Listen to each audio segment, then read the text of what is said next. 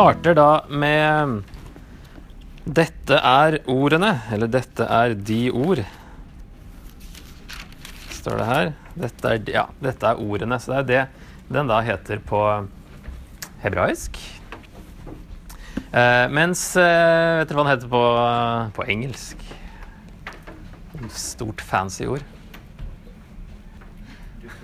Aha, Deuteronomy kommer da fra det greske deuteronomion, som er tatt fra det verset 1718.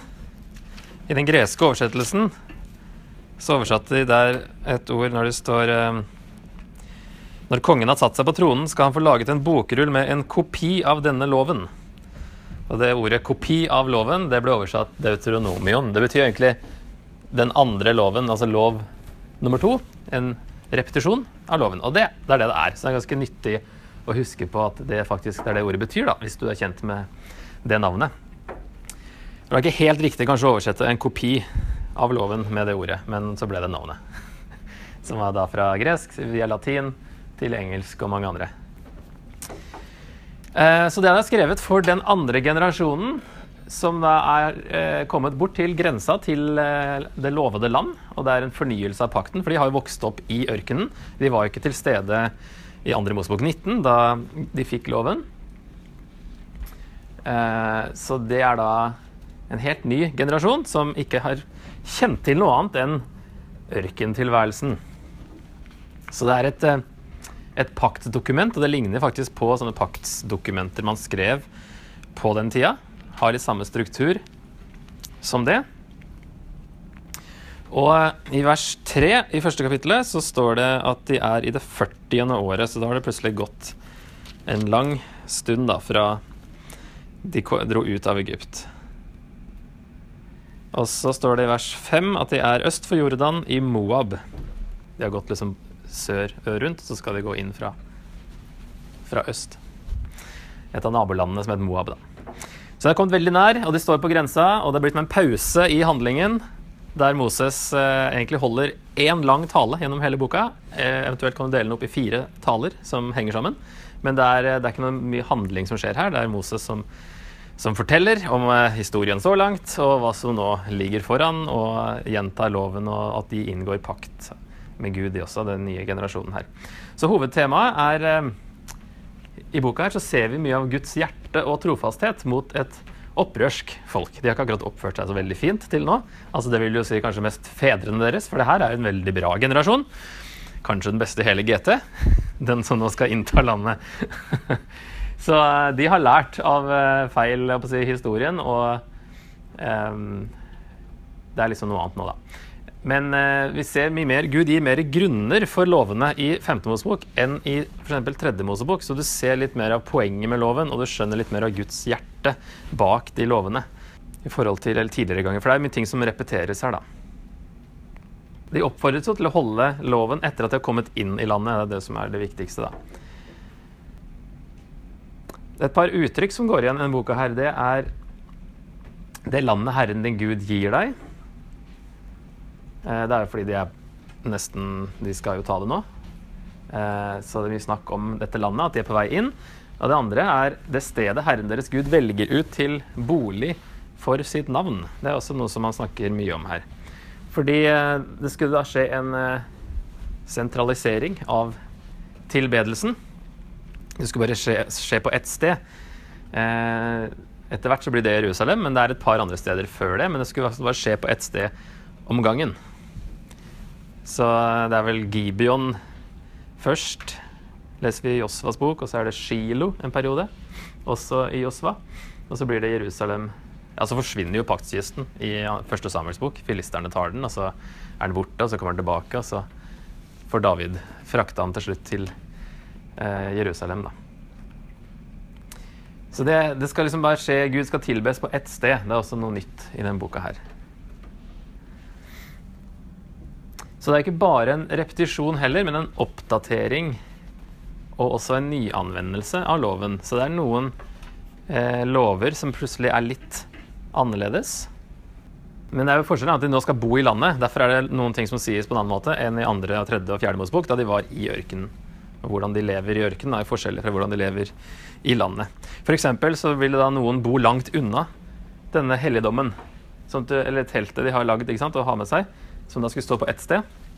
Så ville noen bo eh, langt unna, og da er det noen lover der for hva de kunne gjøre med slakting og sånne ting, selv om i tredje Mosebok står det at det skulle bare skje der, i telthelligdommen.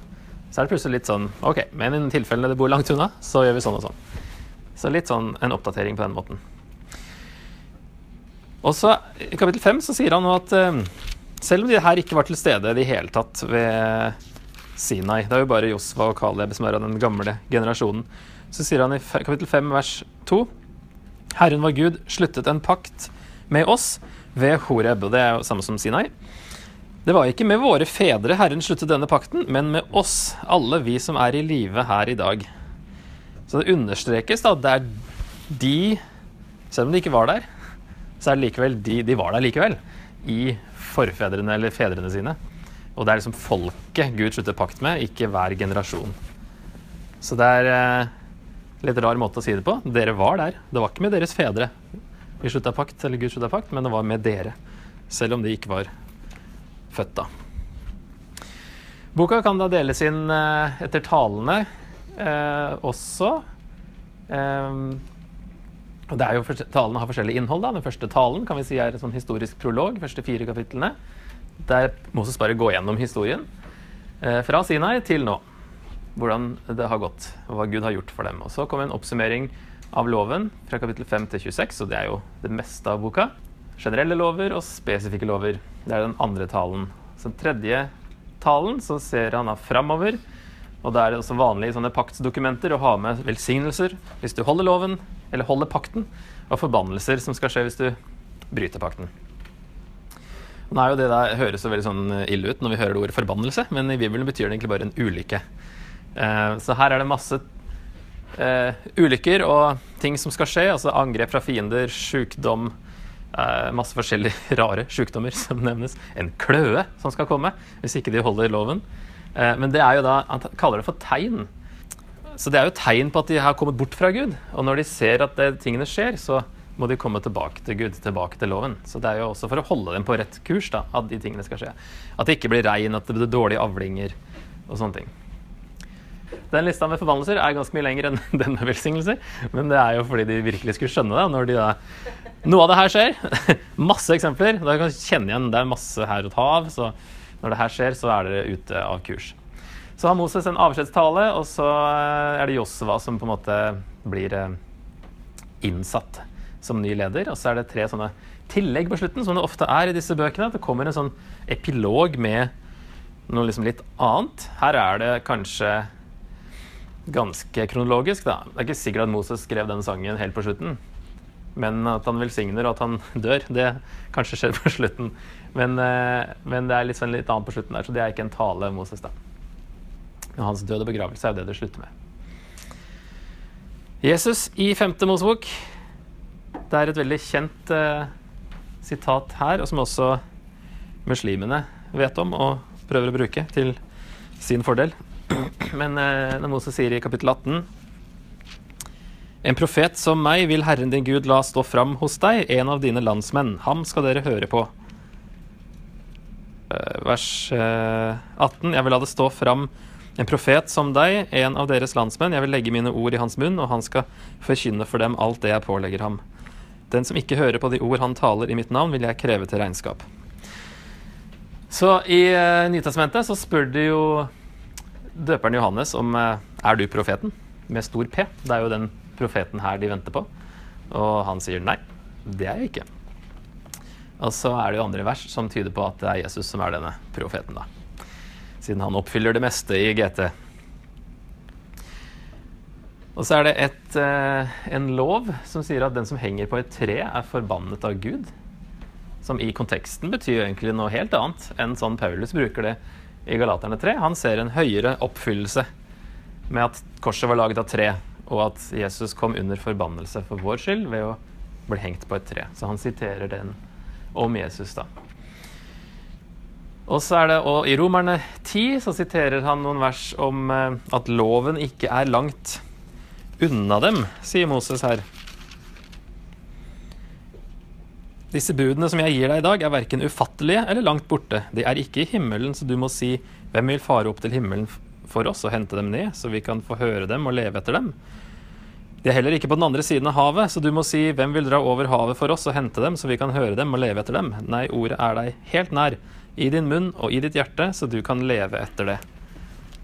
Og det er det da Paulus eh, bruker i Romerne 10, om på en litt annen måte. Det er ikke loven han snakker om da, men han sier eh, Rettferdigheten som kommer av tro, sier Tenk ikke med deg selv hvem skal fare opp til himmelen, det vil si for å hente Kristus ned, osv.